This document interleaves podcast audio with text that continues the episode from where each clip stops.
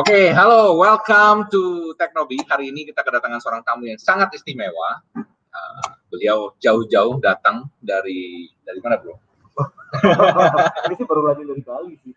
Baru landing jerak langsung nyampe di sini. Kita nih di kantor ya, uh, bisa lihat nggak ada orang di sini. So kita hari ini akan ngobrolin sesuatu yang menarik banget buat kamu. Nah, hari ini kita akan ngobrolin mengenai uh, kita akan ngebahas digital marketing, terutama gimana pakai digital marketing naikin omset bisnis online sampai NX ya 10 kali ya? Targetnya begitu. Targetnya begitu? Targetnya begitu. Nah oke okay, oke okay, oke. Okay. asik kan? Oke okay, tapi sebelum itu gue mau gue mau pasang dulu nih Instagramnya nih. Bentar. Belum iya. Oke. Okay. itu live juga sekarang Halo semuanya yang di Instagram. Ya, kita hari ini live bareng dengan Denny Santoso. Welcome, bro. hari ini uh, kita akan ngobrolin gimana caranya 10x your business online, ya kan? Uh, rahasianya gimana? So, kalau kamu penasaran, tune in aja langsung. Oke, okay, langsung aja kita mulai. Uh, sebelum itu kita ngobrol dulu ya. Uh, dan terakhir-terakhir uh, ini sibuk apa nih? Gue lihat tuh ke mana-mana, di mana-mana. Ini kali ini datang ke Surabaya ini juga karena ada acara gede ya? Um, transit sih sebenarnya sih. Acara hmm. baru baru dua hari lagi sih. Oh, acara dua hari lagi. Dua, dua hari lagi ini pulang dulu balik sini lagi. Oke, oke, oke, oke. Yes. Nah, uh, kalau boleh tanya ya, um, buat teman-teman nih, terutama yang baru mulai bisnis nih ya, ya. nomor satu pertanyaan pasti, uh, gimana sih cara naikin omset gue?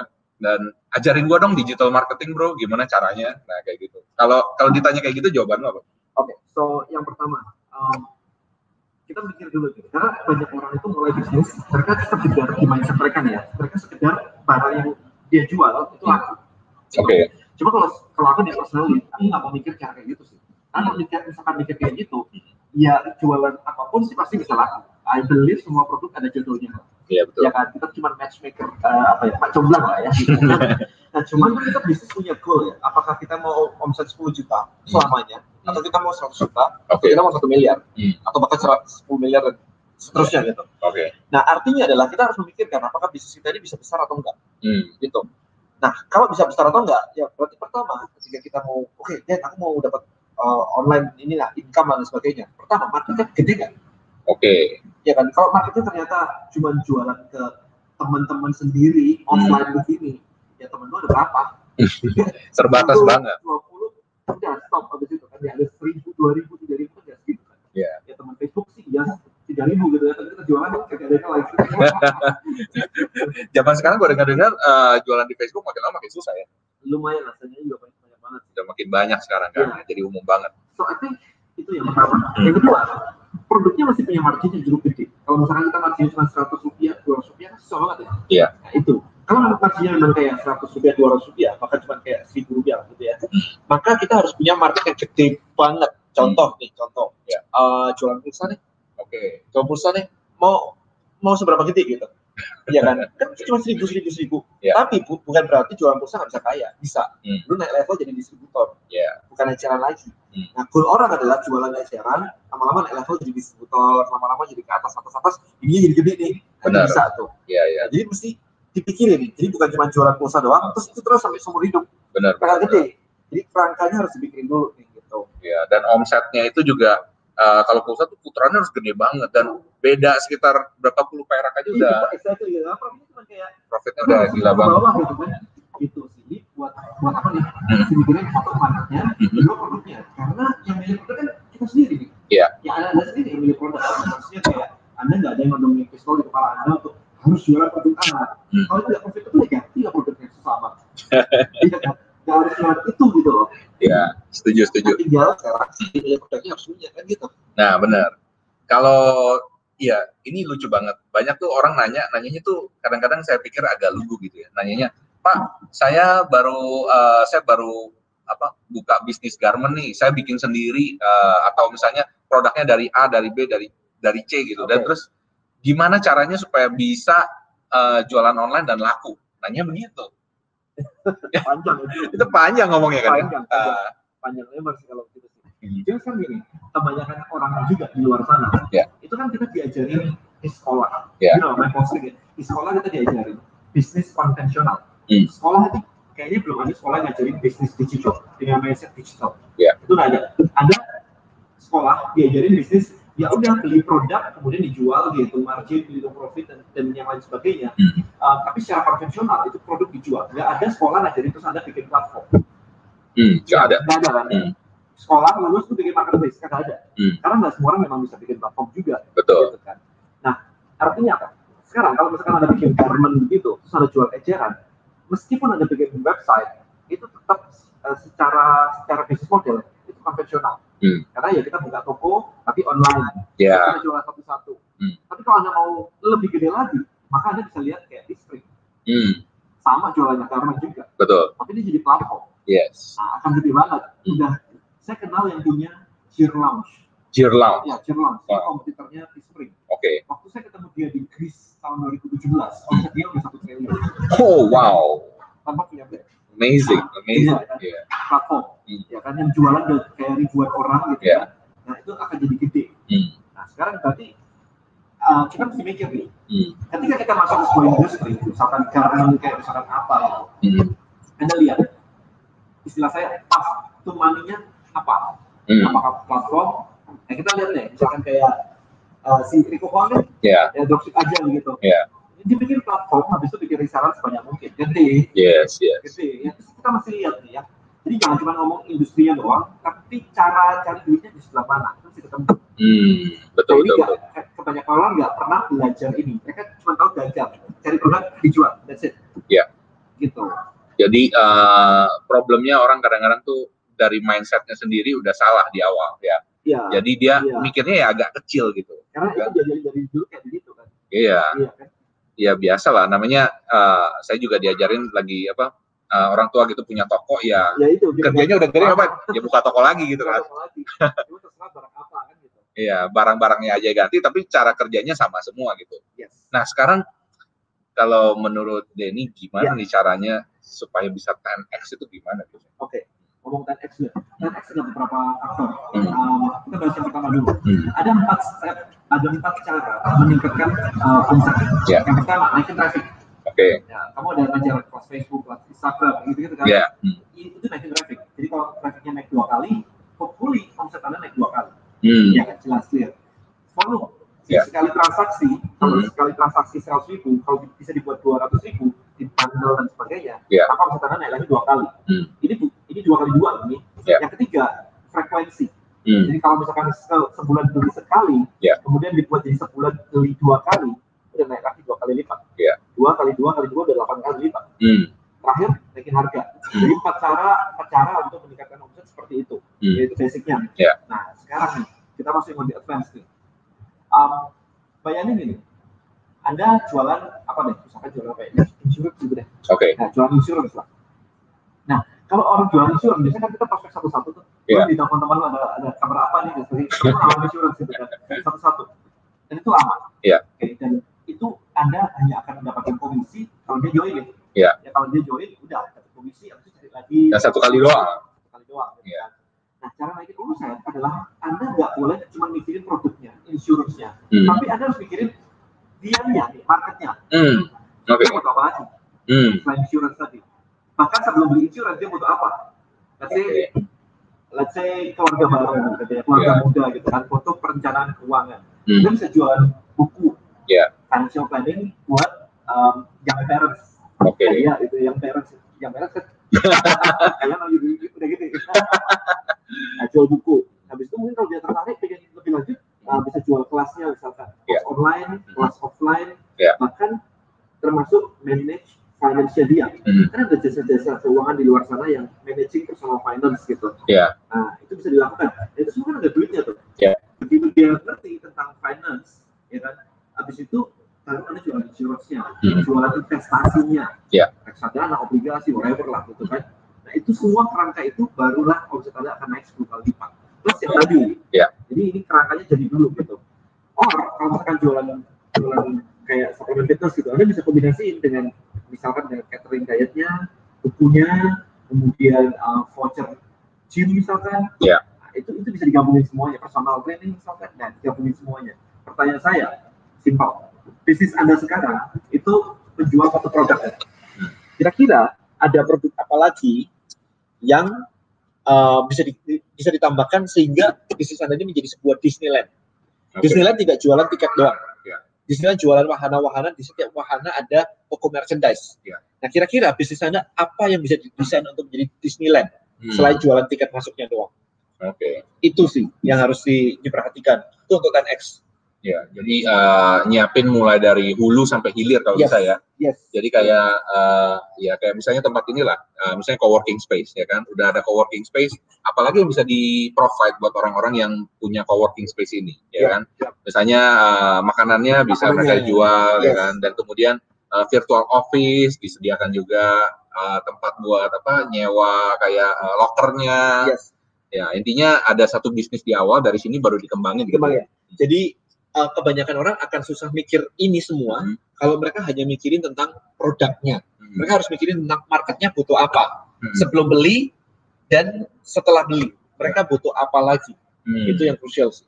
Okay. Mulai nanya nih, mulai ketemu. Gak bisa kan kalau misalkan kita ngomongin, oke okay, saya mau bisnis digital gak mau ketemu sama orang sama sekali. Ya. Nah, itu nggak bisa tuh. Ya. Harus tetap ketemu orang sih. Hmm. Ya minimum sebenarnya banyak orang tuh salah sangka mengenai bisnis digital ya. Kalau menurut saya uh, sebenarnya bisnis digital itu adalah perpanjangan daripada bisnis offline sebenarnya, ya kan? Yes. Jadi udah mix sekarang itu. Bukan uh, cuma digital doang nggak mau ketemu offline gitu. offline doang nggak mau ketemu digital nggak bisa. Kita udah mix nih. Iya iya, udah udah O2O sekarang. Udah yes. ada offline, udah ada online ya. Iya, udah udah kawin. oh ya, by the way, buat teman-teman yang baru tune in, uh, make sure ya ini ada yang nanya audionya gimana. Uh, hopefully sekarang audionya saya udah deketin nih. Mestinya suaranya udah lebih jelas ya. Dan juga kalau ada yang mau nanya-nanya silakan di chat ya, di chat. Kalau Anda misalnya di uh, eh, IG Live bisa di chat di situ. Kalau yang di YouTube silakan chat juga biar kita bisa tahu kalau ada pertanyaan ya. Jadi karena ini live ya kita bisa baca langsung dan uh, kita bisa jawab pertanyaan Anda langsung. Jadi ini untungnya kalau kamu ngikut live hari ini. Nah, um, lanjut lagi ke topiknya. Well, sekarang nih saya rasa problem terbesar dari bisnis itu rata-rata dari bisnis offline ya. Dia mau ke online Nah, kalau menurut Denny gimana nih? Kalau bisnis offline ke online tuh challenge-nya gimana ya okay. untuk menghadapi? Oke, okay. um, gini, kalau bisnis offline, hmm. kebanyakan orang itu sudah terbiasa buka toko, hmm. tunggu hmm. orang datang, yeah. ya kan? Um, hopefully hari ini rame, hopefully mallnya rame. Hmm. Paling kita bisa ngelakuin apa sebar brosur gitu kan supaya orang datang. Yeah. Itu. Tapi mindsetnya adalah kita nunggu customer. Oke. Okay. Okay? Itu itu konvensional. Nunggu bola. Nunggu bola datang. Yeah.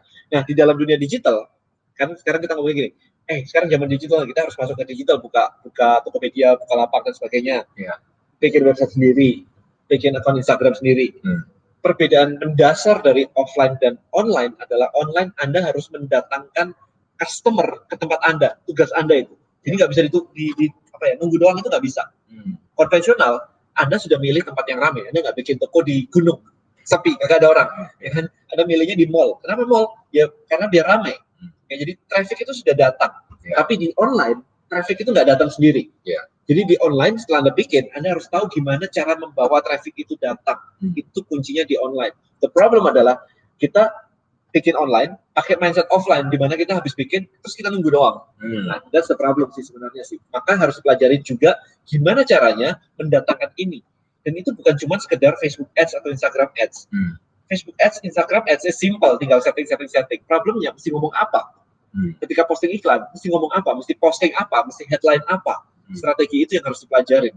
Orang akan tertarik jika apa? Apakah dikasih produk langsung mereka tertarik? Belum tentu. Ya.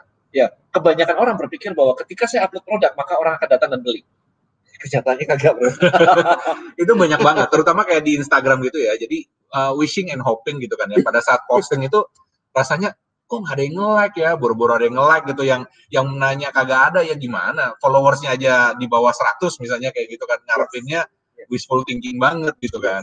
Tapi eh, gimana menurut Denny kalau misalnya orang-orang yang bilang, oke, okay, kalau di offline kan gue buka di mall ramai, ya, sekarang gue bukanya tuh di marketplace. Marketplace, hmm. ya. Marketplace sekarang bisa ngiklan kok. Hmm, nggak ada masalah, bisa ngiklan. Yeah. Nah, sekarang yang perlu Anda perhatikan ketika ngiklan di marketplace, iklan udah jalan, oke. Okay. Yeah. Customer udah beli, oke okay, gitu. Anda nyimpen nggak database dari customer Anda? Nah, nah ini nih. Karena marketplace biasanya nggak mau kasih. Yeah. Karena database itu mahal banget. Yeah. Dan database itu dipegang oleh marketplace. Okay. Karena nggak dikasih. Kalau bisa Anda dapat uh, database ini, itu luar biasa banget. Karena apa? Karena begitu Anda follow up berikutnya, Anda punya produk baru dan Anda, anda kasih tahu hmm. dan mereka beli, hmm. itu langsung profit banget. Hmm. Dan biasanya nggak dikasih sih. Nggak dikasih sekarang. Tapi itu mahal banget. Dia maunya kamu tetap di platform itu aja, yes. muter-muter terus yes. gitu. Nggak ada yang salah sih, nggak ada yang salah. Salah, It's a business. Kita ya. Kan? mikirin bahwa gimana caranya mendapatkan database itu. Makanya konvensional restoran nih, contoh restoran nih, mas mulai ada banyak yang pakai aplikasi. Iya aplikasi kalau anda datang dikasih kupon, dikasih uh, stamp gitu-gitu kan. Yeah. Goalnya apa sih anda dikasih stamp supaya anda pakai aplikasi ini. Iya yeah, betul. Gitu. Sehingga kalau ada promo barang baru dia bisa broadcast ke anda. Hmm. Jadi kuncinya di situ sebenarnya. Betul betul. Ya, betul. So, get your database. nah, ada tips gak ya buat teman-teman yang buka di marketplace atau di tempat, misalnya contoh kayak di Instagram mungkin masih bisa ya ada link ya. Tapi kalau tapi kalau misalnya kayak di marketplace itu kan agak susah tuh paling kalau pernah dikirim dikasih ini kali dikasih kayak apa ya oh thank you gitu ya thank you notes gitu thank you notes uh -huh. suruh dia daftar atau gimana gitu yes untuk download something hmm. download tutorial penggunaan produk ini di link ini yes bisa yes yes itu download ebook apa gitu kan iya yeah. apa pun gitu karena setiap kali orang beli barang selalu ada cara untuk mengedukasi mereka sebenarnya hmm. apalagi yang perlu diedukasi misalkan beli kamera hmm. cara setting lighting whatever gitu hmm. 10 tips menggunakan lighting kamera handphone misalkan gitu kan yeah. nah itu bisa dikasih link Yeah. Yang diklik harus sign up dulu. Nah itu yeah. bisa.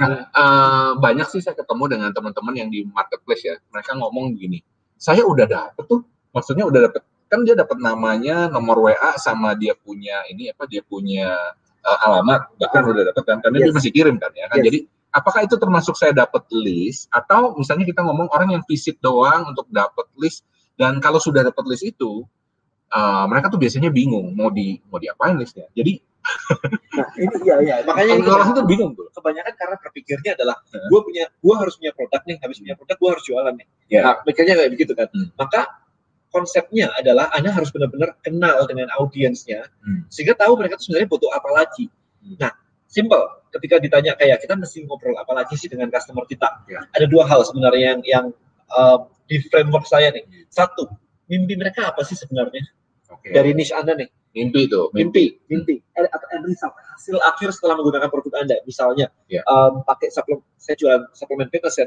Yeah. Jadi pakai suplemen fitness, goalnya mau turun 10 kilo. Oke. Okay. Oke, okay. so kita punya mimpinya, turun 10 kilo. Hmm. Oke. Okay.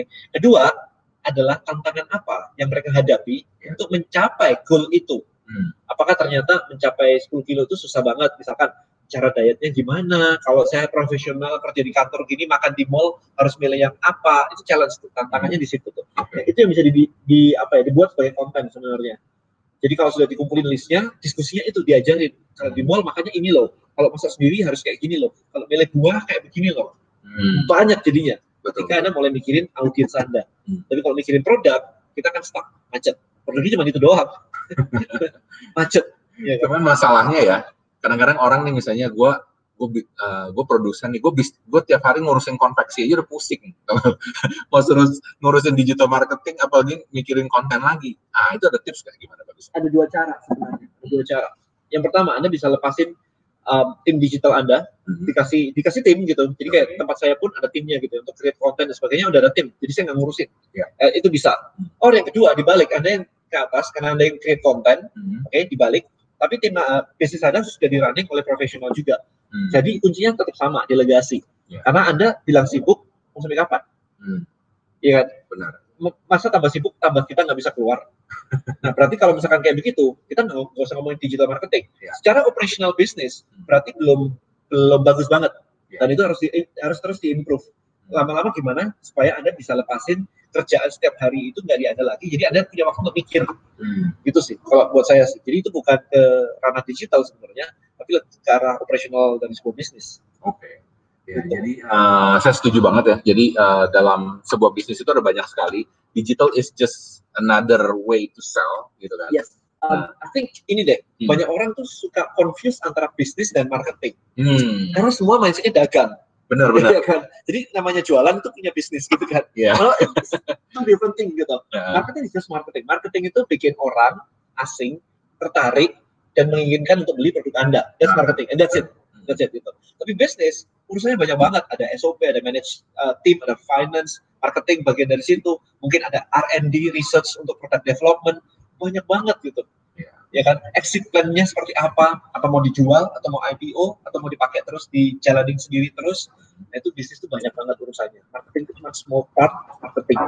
Ya, jadi even financial aja macam-macam kan financialnya. Misalkan anda mau dibiayai sendiri atau anda mau di uh, cari investor misalkan macam-macam gitu loh. Ya jadi please bedain antara bisnis dan marketing. Ya itu dua hal yang berbeda. Ya uh, ini repotnya kayak misalnya orang ngomong sales and marketing itu juga sebenarnya beda. Beda, beda itu. Coba kalau namanya departemen, udah lo sales, sales ya marketing, marketing ya sales. Ya, marketing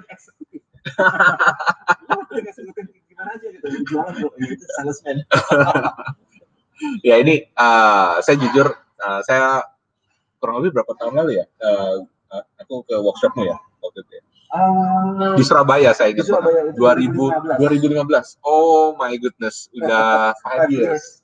So fast, so fast ya kan. years. Tapi nggak berubah kan, tambah ganteng. tambah kinclong ya. Tambah kinclong. iya nih, gue udah siapin lighting di sini, tapi kelihatannya keren banget. Iya, iya. Ah, ini uh, ngomong-ngomong mengenai uh, workshop ya uh, saya pernah ikut sendiri workshopnya Koden ini dan ini sangat-sangat apa membuka mata saya dan saya ketemu banyak juga teman-teman di situ salah satunya juga bisnis partner saya yang di Gigi Maru sekarang. Oh ya? Iya. Nah, jadi uh, yes. kita ketemu dari sono. So uh, sekarang kali ini workshopnya nih kapan nih? Uh, saya dengar-dengar akan ada workshop lagi ya? Yes. Hmm. Um, kita akan ada lagi tanggal 18 19 April 2020 19. di Jakarta. Di ya, Jakarta, 18 ya. 19 April ya. 18 19 April. Oke. Okay. Nah di Surabaya kali ini. Kemarin di Surabaya ya. Iya. Habis ini kita nggak bikin lagi sih di Surabaya sih. Oke. Okay. Uh, itu uh, kalau boleh tanya ya, kalau uh, apa apa aja yang akan diajarkan di dalam workshop itu? So kita dua hari, dua hmm. hari itu padat banget sih. Ini kita lagi nyusun materi. Jadi yang pertama clear yang pertama itu pasti mindset dulu karena mindset yang salah anda nggak akan ke mana-mana gitu. Yeah. that's the problem jadi foundationnya harus kuat di mindset dulu yang pertama kedua gimana nge-build bisnis yang bisa di scale pakai digital okay. karena apa ya kalau misalkan anda mikirin cuma digital doang nggak ngerti tentang um, bisnisnya contoh gini kalau anda adalah seorang dokter hmm. terima pasien satu pasien 15 menit hmm. oke okay? kemudian anda di scale pakai ilmunya dia nih Facebook Ads gitu terus pasien anda jadi 100 sehari nggak bisa juga 200 gitu nggak bisa juga bisnis anda nggak akan bisa di scale tapi bukan berarti jadi dokter salah tapi kita bisa tweak bisnis modelnya contoh RH ya. RH juga yang punya juga dokter gitu kan hmm. tapi dikelola dengan profesional cabangnya jadi banyak banget tuh ya. harus dia sendiri yang praktek satu-satu kan jadi ada caranya sebenarnya. Nah itu yang akan kita bahas di hari pertama. Jadi mulai dari uh, foundationnya seperti apa, kemudian kita mengenali market seperti apa, nyari niche seperti apa. Hmm. Jadi segmen market apa sih yang bagus dan gede dan ever evergreen gitu. Ya. Kemudian nyari produk itu seperti apa sih? Kita cari ada ada misalkan ini produk kalau bisa recurring. Ya. ya kan? Sekarang eranya recurring semua loh. Hmm. Jadi kalau bisa recurring itu maksudnya orang tiap beli, uh, tiap bulan beli rutin. Tiap bulan langganan beli rutin. Langganan. Ya kan? Ada yang bilang gini, baju recurring enggak? Ya iya dan enggak gitu. kalau sekarang ekonomi lagi rada-rada slowing gitu ya orang nggak beli baju gitu. Tapi ada I think ada company di luar sana namanya Style Theory deh kalau nggak salah. Uh-huh. Itu boleh langganan. Saya lupa harganya. Kalau nggak salah bayar lima ratus ribu, uh-huh. boleh ganti empat kali. Oh, oke. Okay. ya jadi pinjam kan dikasih. Pinjam dong. Oh minjem. jadi dibalikin lagi. Lu balikin lagi gitu kan. Jadi empat kali bayar lima ratus ribu gitu. Daripada beli sekali tujuh ratus ribu, enam ratus ribu gitu kan. Yeah. Kelihatan paling enggak bisa gonta di baju gitu loh. Terus gitu kan. Jadi meskipun baju nggak bisa, tapi dibuat modelnya jadi bisa. Nah yeah. ini ini yang harus dipikirin nih.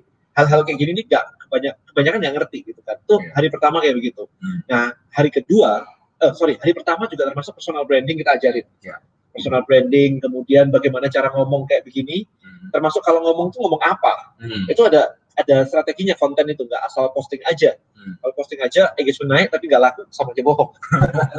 right? Ya betul. Um, hari kedua kita ngomongin tentang funnel. Hmm. Bagaimana alurnya orang mulai dari lihat iklan, lihat website kita atau landing page, okay. sampai dia pengen beli. Hmm. Nah itu ada alurnya semua. Konten apa, konten strategi ya, konten apa untuk orang yang nggak kenal kita, yeah. itu ada, ada sendiri. Konten apa yang orang sudah kenal kita, yeah. konten apa yang sudah beli di kita. Nah itu ada beda-beda, ada hmm. strateginya semua. Um, itu hari kedua.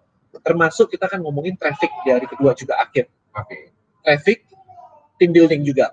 Nah, traffic ini cukup menarik hmm. karena di kelas saya saya mengajarkan namanya integration marketing. Hmm. Ya, integration marketing itu sebenarnya gini, itu yang membuat Bill Gates hmm. jadi orang terkaya di dunia pakai integration marketing. Hmm. Gimana enggak? Bill Gates jadi gede banget ya. sejak dia deal dengan IBM. Iya betul. MS DOS-nya hmm. di ship Dibeli. di ship per PC yang dilepas sama IBM. Oke. Okay. Integrated kan? Yes, yes, yes. Ya. Jadi integrated itu macam-macam sebenarnya. Hmm. Integrated paling rendah levelnya konsinyasi. Oh. Okay. Lu integrated barang lu jadi barang dia. Iya. Iya kan? Nebeng kita nebeng. Nebeng gitu. Tapi nebeng baru di show. Hmm. Baru ditaruh di tempat, ditunjukin seolah-olah barang toko dia kan gitu, ya. konsinyasi. Tapi begitu sudah dijual dan ini diinputkan, ini lebih hmm. lebih tinggi lagi levelnya. Hmm. Itu yang dilakukan Bill Gates. Iya. Gitu. Makanya udah terkaya di dunia gitu kan. So, at least ada yang corporate. Yes, itu keren banget. Itu di hari kedua kurang lebih kayak begitu. Okay. Itu di ML dua hari kayak begitu sih. Hmm, oke. Okay. So far, uh, kalau boleh tanya lagi, uh, kebanyakan orang nih ya, saya rasa pertama kali ngomong bahasa digital aja itu udah kayak apa ya, kayaknya udah intimidated banget gitu loh ya. Apalagi kalau misalnya udah uh, bisnisnya offline udah lama. Nah, kalau orang gaptek gimana nih? Bisa ngikut gak tuh? Bisa, bisa. ngikut pelajarannya gak tuh? Jadi kalau di DM Elite itu memang uh, dua hari itu hmm. kita nggak teknikal. Jadi nggak usah bawa laptop juga nggak apa-apa. Hmm. Yang penting open mind uh, open mindset dulu aja hmm. gitu. Um, konsep kita adalah adalah ngajarin anda jadi arsitek hmm. rumah anda gitu, yeah. gedung anda. Bukan berarti anda harus manjat pasang lampu sendiri kayak begini, enggak. Hmm. Anda cukup tahu ini lampu dan letaknya harus di situ. Anda tahu website, ini namanya landing page, ini namanya apa gitu ya, itu Anda tahu, tapi Anda nggak harus ngerjain sendiri. Simple nanti kita kasih bahkan uh, template untuk nge-hire tim. Itu sampai kita kasih tuh. Nge-hire orang tuh kayak gini, gini, gini, gini, gini loh gitu. Dan yang paling penting adalah, kalau misalkan um, gaptek gitu ya, kemudian mau memang mau niat belajar banget gitu, saya sarankan untuk selalu datang. Karena kita free receipt. Hmm. Ya kan? Jadi bayar sekali, datang terus tuh bebas gitu. Karena I believe orang belajar perlu beberapa kali, nggak sekali doang. Iya. Biasanya uh, dua tiga kali itu baru penyantol. Padahal sebenarnya udah ngomong dia dari awal, udah ngomong yes. itu dan, penyantol. Dan yang menarik begini, um, ketika omset anda nol, mm-hmm. nggak belum punya bisnis gitu, datang, anda akan ngerasa kayak wow banyak banget gitu ya. Nanti pelan-pelan Anda udah mulai naik nih, omset Anda udah mulai 10 juta, 50 juta, Anda datang lagi. Anda akan menangkap hal yang berbeda dari konteks saya Hmm. Karena kontennya sama, gitu. tapi hal yang berbeda. Karena dari nol mungkin ada fokus ke nyari produk, yeah. nyari partner, reseller, hmm. gitu, cara jualan. Mungkin ada fokusnya di sini. Tapi begitu anda sudah nyampe kayak 10 juta, 20 juta, anda mulai mikir cari reseller kayak gimana ya? Kan ada materinya nih. Yeah. Tim building gimana ya? Udah 10 juta nih kalau dihandle terus, hmm. nggak bisa keluar rumah nih. Yeah. Nah, mulai tim building dan sebagainya gitu. Jadi dari materi yang begitu padat banget ini, Anda akan pick up sendiri sesuai dengan uh, progress dari bisnis Anda. Gitu Kalau boleh share, um, ada nggak nih ya uh, alumni alumni yang udah apa berhasil mungkin? Oh, udah berhasil bro. Iya. udah berhasil bro. Ya, uh, ada lagi nggak yang lain yang yang mungkin uh, apa? Uh, kayaknya kemarin ada Mutika juga ya. Iya, tadi baru saya makan malam sama dia juga karena hmm. kebetulan saya visit Surabaya. Hmm. Ika juga pertama kali itu I think akun Facebook aja nggak punya dia. Ibu-ibu gitu kan uh, akun Facebook nggak punya gitu kan uh, bisanya cuma endorse endorse doang gitu sekarang miliaran men dahsyat dan sekarang dahsyat miliaran, gitu kan. Um, kayak gitu tuh banyak banget. Kita ada satu lagi yang kemarin itu um, belajar saya lupa berapa lama ya. Kemarin pokoknya report saya dia pakai Trebelio sih. Okay. pakai Trebelio sih. Omset Januari kemarin udah udah kayak ratusan juta. Gitu ratusan juta men. Dan tinggalnya bukan di kota besar lagi di kota kecil. Itu kan udah kayak happy banget gitu kan. Ya, kayak gitu tuh banyak banget. Jadi yeah. sebenarnya banyak banget. Tinggal uh, praktek atau enggak sebenarnya. Karena ilmunya sama ada yang berhasil ada yang enggak. Yeah. kalau nggak berhasil please let me know. Kita akan work together gitu. Jadi kayak apa sih yang salah di tempatmu? Hmm. kita cari lagi yuk cari lagi yuk cari lagi yuk. Kayak gitu sampai berhasil. Bukan nggak berhasil terus ah digital marketing sucks. Nah itu mindset balik lagi it's a mindset. Yeah, itu yeah. sih. Karena uh, saya percaya satu ya uh, kamu mau sekolah misalnya misalnya kamu mau sekolah di Harvard pun ya kan? Kamu sekolah di Harvard. Uh, sekolahnya sama kelasnya sama gurunya sama bukunya sama. Duduknya mungkin kurang lebih bisa sama. Eh, sebelahan tapi satu kelas bisa ada yang juara satu bisa ada yang nggak naik kelas benar kan ya yes. nah jadi yang salah siapa oh yang salah ya dapat nanti kamunya sendiri gitu kalau misalnya sampai nggak bisa yeah. oh ya yeah, anyway uh, ini saya lihat uh, harganya nih ya kan lumayan tinggi ya kenapa sih harganya tinggi banget Oke, okay, kenapa harganya Ini pasti menjadi pertanyaan banyak orang, ya kan? It's, it's, it's a mindset. ya, kenapa? Kan, tapi pasti ada yang nanya kayak gitu loh. Iya. Jadi, um, memang beda ya. Kita ngefilter network sebenarnya. Hmm. Jadi kalau misalkan uh, kemarin saya barusan ketemu satu alumni juga yang dari DML juga ya. Hmm. Dia mengatakan gini, orang-orang itu lucu banget ya di komentar-komentar Instagrammu gitu. Hmm. Mereka hanya melihat harga itu mahal, harga itu tinggi. Hmm. Tetapi mereka nggak melihat sesuatu yang sudah saya dapatkan. Dia ngomong gitu. Oh. Emang apa yang lu dapetin? Lu tau nggak? Ketika kita lulus dari DML dan saya ketemu lulusan DML yang lain, hmm. mau jalin jadi partner bisnis, very easy. Hmm. Tinggal bilang alumni DML sana alumni DML mereka udah sama-sama tahu ini different level. Hmm. Ini kelasnya berbeda gitu. Jadi mereka udah kayak kayak kita kayak eksklusif gitu loh. Hmm. So they know kan kalau berhasil ikut ML itu berarti bukan orang sembarangan. Yeah, nah yeah, itunya yeah. begitu negosiasi langsung gold. Ah. Nah itu mahal banget karena gold itu artinya udah kayak miliaran gitu bukan cuma kayak 10 juta 20 juta doang gitu. itu yang pertama. Setuju setuju. Yang kedua, um, saya pernah ngelakuin gratisan Pernah, of course pernah. Saya pernah ngelakuin mahal. Sama aja, gratisan juga malah lebih banyak yang gagal. Hmm. Gitu. Karena mereka merasa bahwa ilmu ini gratisan, ya kurang lebih gitulah, yang diomongin gitu aja sih. Mereka nggak nggak action. Yeah. Jadi kalau begitu dikasih mahal atau lebih lebih premium harganya, mereka itu merasa bahwa wah saya udah spend segini nih, rugi banget kalau saya nggak action. Hmm. Maka akan nepus secara internal untuk action. Hmm. Ya itu itu itu kenyataannya kayak begitu sih. Statistiknya seperti itu. Sama. Aku kan ikut yang di Russell Brunson. Yeah. bayarnya total total nih sama pesawat sama semua. Satu miliar. Satu miliar gitu kan. Dan lu dua dan lu dua kali kayaknya pergi total setahun. Oh setahun. Setahun. Oke okay, okay. ya, setahun plus tiket dan sebagainya kira-kira satu koma satu miliar lah kurang lebih gitu. okay. um, diomongin apa pun sama Rasul nurut lu coba gini lu coba gini lu coba gini nurut ya omset emang langsung naik hmm. jadi um, langsung balik modal iya iya gitu tapi karena apa karena nurut hmm. coba kalau nontonnya dari YouTube doang gitu ya kemarin nonton Rasul dari YouTube juga ada gitu iya. omset naik gak belum tentu juga kecuali ada benar-benar niat banget gitu tapi kalau dibuat sakit bayar satu miliar kayaknya nggak merugi deh. Nggak merugi ya. Langsung gue gimana mikirnya, gimana caranya supaya balik modal. Iya. Gitu, ya. Saya disuruh webinar, nggak boleh direkam saya lakuin yang lain udah nanya dan kenapa nggak rekam sih nah aku disuruh latihan supaya mulutnya fasih hmm. karena Rasul ngelakuin itu 14 tahun kalau nggak salah yeah. jualan on uh, jualan live hmm. di panggung Rasul is a business online yeah. funnels kan hmm. tapi dia ngelatih ngomong public speaking dan jualan offline hmm. dia latih belasan tahun yeah, yeah. dan dia mengatakan bahwa kamu nggak boleh uh, rekaman hmm. karena kamu harus latihan gitu. gue jadi inget kayak si Peng Jun itu ya Yes. sama juga kan. Dia yeah. ngomong dia dulu tuh malah introvert kalau nggak salah ya. Iya, yeah, itu sih. percaya nggak dia introvert? Kayaknya nggak percaya. ah, kenal kok, Bang kenal kok. Gitu. Ya, ya itu sih. Jadi uh, memang ngefilter harga, ngefilter, ngefilter audiens juga. Why? Hmm. Karena kita waktu di DM Elite, ada juga akan diajarin untuk bikin tim. Hmm. Bikin tim. Nah, Anda tahu sendiri, tim itu UMR aja berapa? Hmm. I don't know, kalau di Surabaya berapa UMR? Tiga something, tiga tiga something, tiga tujuh gitu ya. Di Jakarta udah roughly empat koma dua something gitu, yeah, ya yeah. kan? Nah sekarang bayangin, kalau saya bikin kelas harganya cuma dua juta, hmm. oke, okay, kemudian ada keluar hire satu orang aja, UMR aja kan kuat habis itu. ya kan? Ini udah duit saya terakhir nih dua juta nih masih disuruh hire orang lagi. Saya akan menerima banyak banget komplain yang terjadi sih. Jadi ketika dikasih harga uh, 2 juta gitu ya, suruh iklan Facebook. Sebulan habis berapa? Tiga juta. Udah komplain langsung. Buset deh ini ya jadi mending di filter orang-orang yang memang niat dan mampu dan mampu nih yeah. gitu. Kemudian mereka keluar dari kelas mereka take actionnya mampu. Hmm. hire team bisa kemudian uh, pakai Facebook Ads bisa gitu. Hmm. gitu sih. Cuman kalau memang anda belum bisa sebenarnya nggak ada masalah kalau memang ini. Karena apa? Riset free yeah. itu bayar sekali seumur hidup selama saya masih ngajar of course Makanya kemarin uh, pas uh, Denny ngomong bakal ada kelas lagi, gue kaget juga, waduh asik juga nih, kita bisa riset lagi nih ya. Iya, yes, yes, yes, itu penting banget sih. Uh, Oke, okay. nah mungkin teman-teman ada harapan ya kan?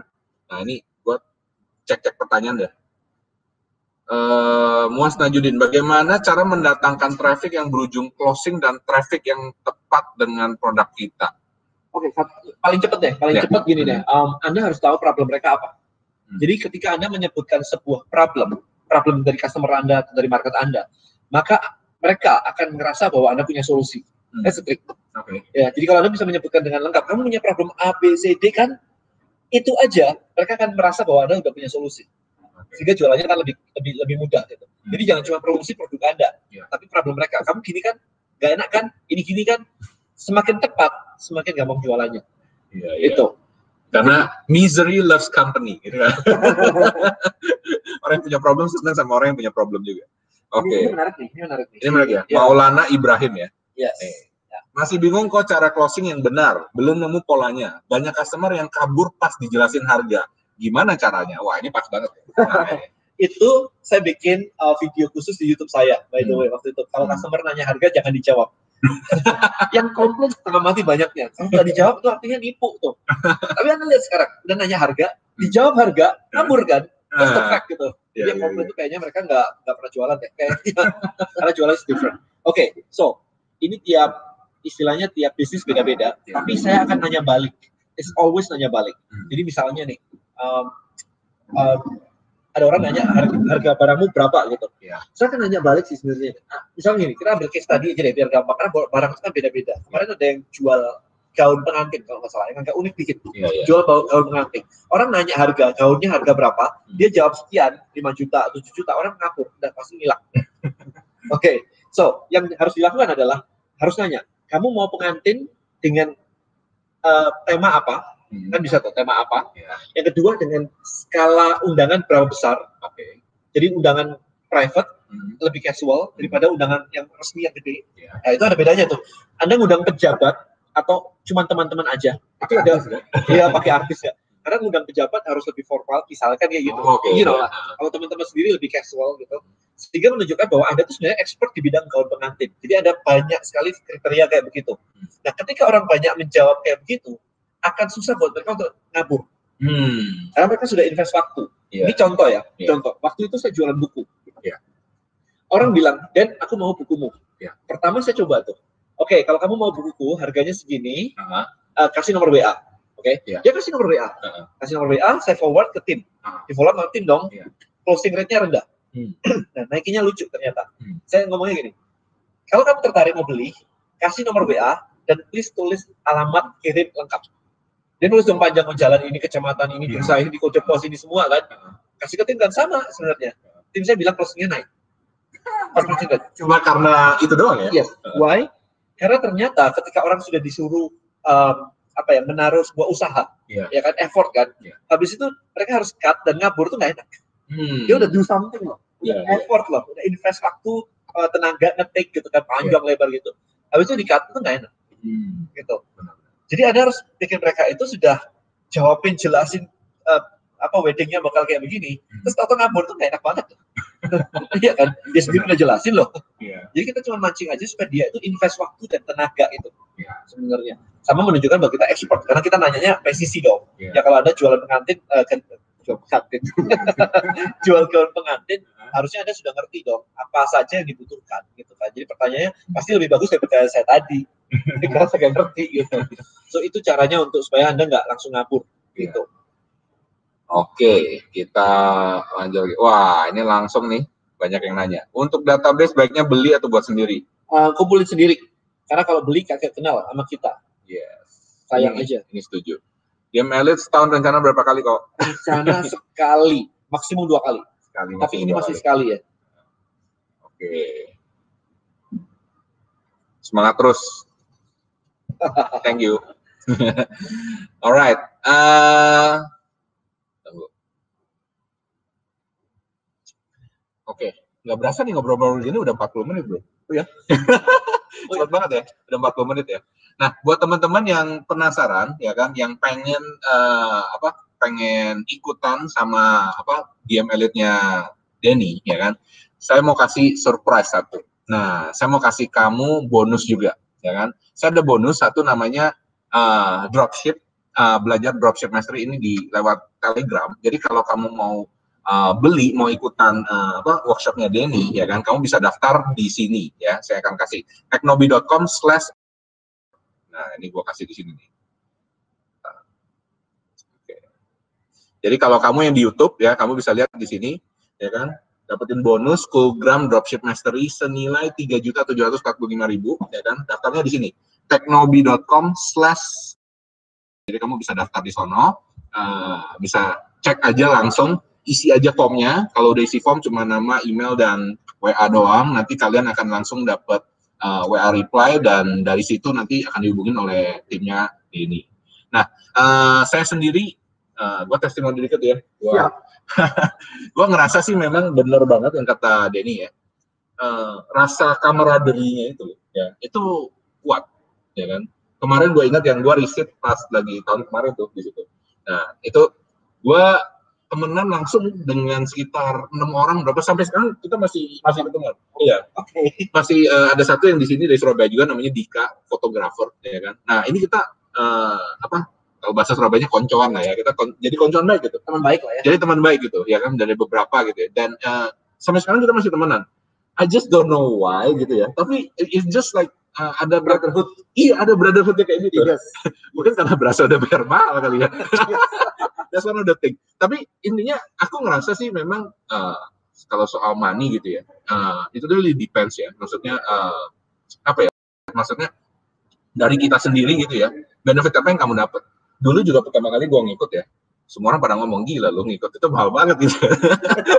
seriously, seriously gitu. Apalagi ukuran Surabaya dan itu lima tahun lalu. Lima tahun lalu. Gue inget sekitar iya sembilan sepuluh. juta lah gue inget waktu itu ya kan? Waktu itu aja udah kayaknya wah gede banget gitu ya. Tapi I think that's uh, one of the best decision yang gue pernah make juga. Jadi seriously gue bukannya ini tapi seriously itu one of the best decision. Karena dari situ gue ketemu calon partner gue yang sekarang ya di Didi Maru itu dan memang dari situ bener-bener uh, bantu banget sih. Uh, kadang-kadang yang tadi Didi Maru gue juga sering ngomong ya kamu perlu satu hal yang nampar kamu gitu. Dan saya nggak tahu apa. Gue pergi semua seminar baik dari yang gratis sampai yang mahal sekalipun. Kemarin pergi yang di Anthony Robbins juga pergi sama teman-teman gitu. Itu lebih mahal lagi dong. Iya. Itu kita pergi yang ke situ juga ya sebenarnya cuma dapat satu atau dua hal doang. Tapi satu atau dua hal doang itu ikut mengubah hidup kita ya. mengubah hidup kamu yes. gitu. Kalau kamu bisa ngambil so ya saya harap kamu juga bisa ngambil kesempatan ini karena jarang-jarang ada dan jarang-jarang banget ya Kode ini datang ke Surabaya nih kali ini. Demi ngobrol-ngobrol. Dan thank you banget udah sharing sama kita hari ini. Mungkin ada one or two words yang mau um, diomongin lagi terakhir? Yes jadi untuk kelas kita tanggal hmm. 18 19 April ini yeah. yaitu dua hari. Cuman kita sebenarnya sebenarnya jauh lebih murah daripada waktu DML zaman dulu karena DML hmm. waktu dulu itu kita tuh cuma kasih DML doang gitu okay. dua hari selesai yes ada free receipt yeah. always ada free receipt Cuman untuk yang 18-19 April ini kita banyak banget bonus tambahan. Apalagi lu nambahin bonus lagi tadi. ada bonus dari ya. bro. So kita ada tambahan beberapa hal ya. Ada kita ada tambahan kelas Facebook Ads mini kelas. Okay. Jadi kalau misalkan dari nol banget, hmm. bingung cara ngiklan di Instagram, ngiklan di Facebook itu ada kelasnya. Itu ada tambahan. Kita ada kelas tambahan juga untuk building funnels. Hmm. Jadi gimana sih ngebangun funnels, landing page dan sebagainya. Itu ada kelasnya juga gitu. Hmm. Nah kita tambahkan juga 30 days challenge. Nah ini uh, kebetulan aku bawa juga nih bukunya nih. Jadi kita ngomongin DML itu kita ngomongin tentang funnel. Oke, okay, gimana caranya ngebawa orang asing sampai beli produk Anda. Hmm. Tapi kita nggak mau sampai situ. Kita mau benar-benar Anda bisa 10x. Jadi ada namanya seperti basic challenge. Ini 30 hari. Hmm. Ini ada panduan lengkap kayak begini, 30 hari gitu ya. Anda akan dibimbing. Ini online. Jadi karena karena ini banyak sekali PR-nya, jadi nggak bisa kalau offline. Jadi PR-nya banyak banget isiannya kayak begini. Oke. Okay. Ya, jadi ini online anda dibimbing 30 hari, Anda harus ngisi satu-satu, tim saya akan tetap nge Anda supaya kerjain ini. Karena apa? Karena saya nggak mau orang bilang bahwa datang ke workshop, semangat, pulang, loyo. Hmm. Ya kebanyakan kayak begitu. Jadi saya mau setelah workshop, Anda terus kerjain sampai Anda dapat hasil. Jadi ada komunitas khususnya juga di sana. Dan Anda juga dapat platform Tribelio. Si Tribelio is a platform untuk ngumpulin database yang kita sebutin tadi. Hmm. Ya, itu untuk ngumpulin database Anda. Anda dapat itu semua tiga um, bulan. Jadi total value kita sebenarnya cukup lumayan sih 65 juta sih. Hmm. Cuman untuk presale kita, saat ini presale kita sampai tanggal 25 Maret deh. Hmm. Ya, presale satu kita sampai 25 Maret dan itu harganya 12,8 juta. Habis itu kita naik jadi uh, sekitar 14 15 juta. Hmm. Nah, jadi itu sih. Jadi benefitnya itu luar biasa, Bang. Ya, ya, ya. That's from me sih. Hopefully, yes, kita bisa jadi temenan juga, kita bisa jadi partner juga karena beberapa partner bisnis saya juga ketemunya di kelas ya kan which is yeah. buat saya juga let's do it gitu kalau misalkan kita bisa partneran gak ada masalah sih ya pasti adalah kalau ada butuh network apa pun hmm. kita siap untuk bantu mengenalin anda ke siapa siapa anda butuh produk produk apa. Kalau anda bisa nyebutin saya butuh produk kosmetik misalnya. Oke okay, saya punya kenalan publik juga banyak saya bisa kenalin. Butuh suplemen oke okay, punya gitu kan. Jadi itu benefit lebih dari sekedar konten.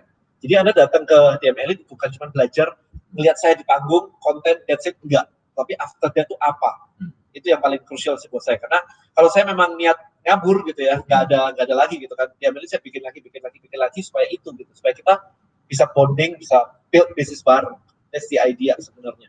Itu sih oke okay. uh, by the way kalau buat kamu yang ngambil kesempatan hari ini ya kan lewat ini teknobi.com slash saya mau ngingetin lagi kamu masih bisa dapat bonus ya kan? Dan juga bonus yang paling penting menurut saya kamu bisa jadi my new best friend. Oke okay. alright. Uh, thank you banget bro. Sama-sama thank you uh, nanti uh, buat teman-teman yang ada pertanyaan silahkan ya tanggal taruh di bawah aja oke okay?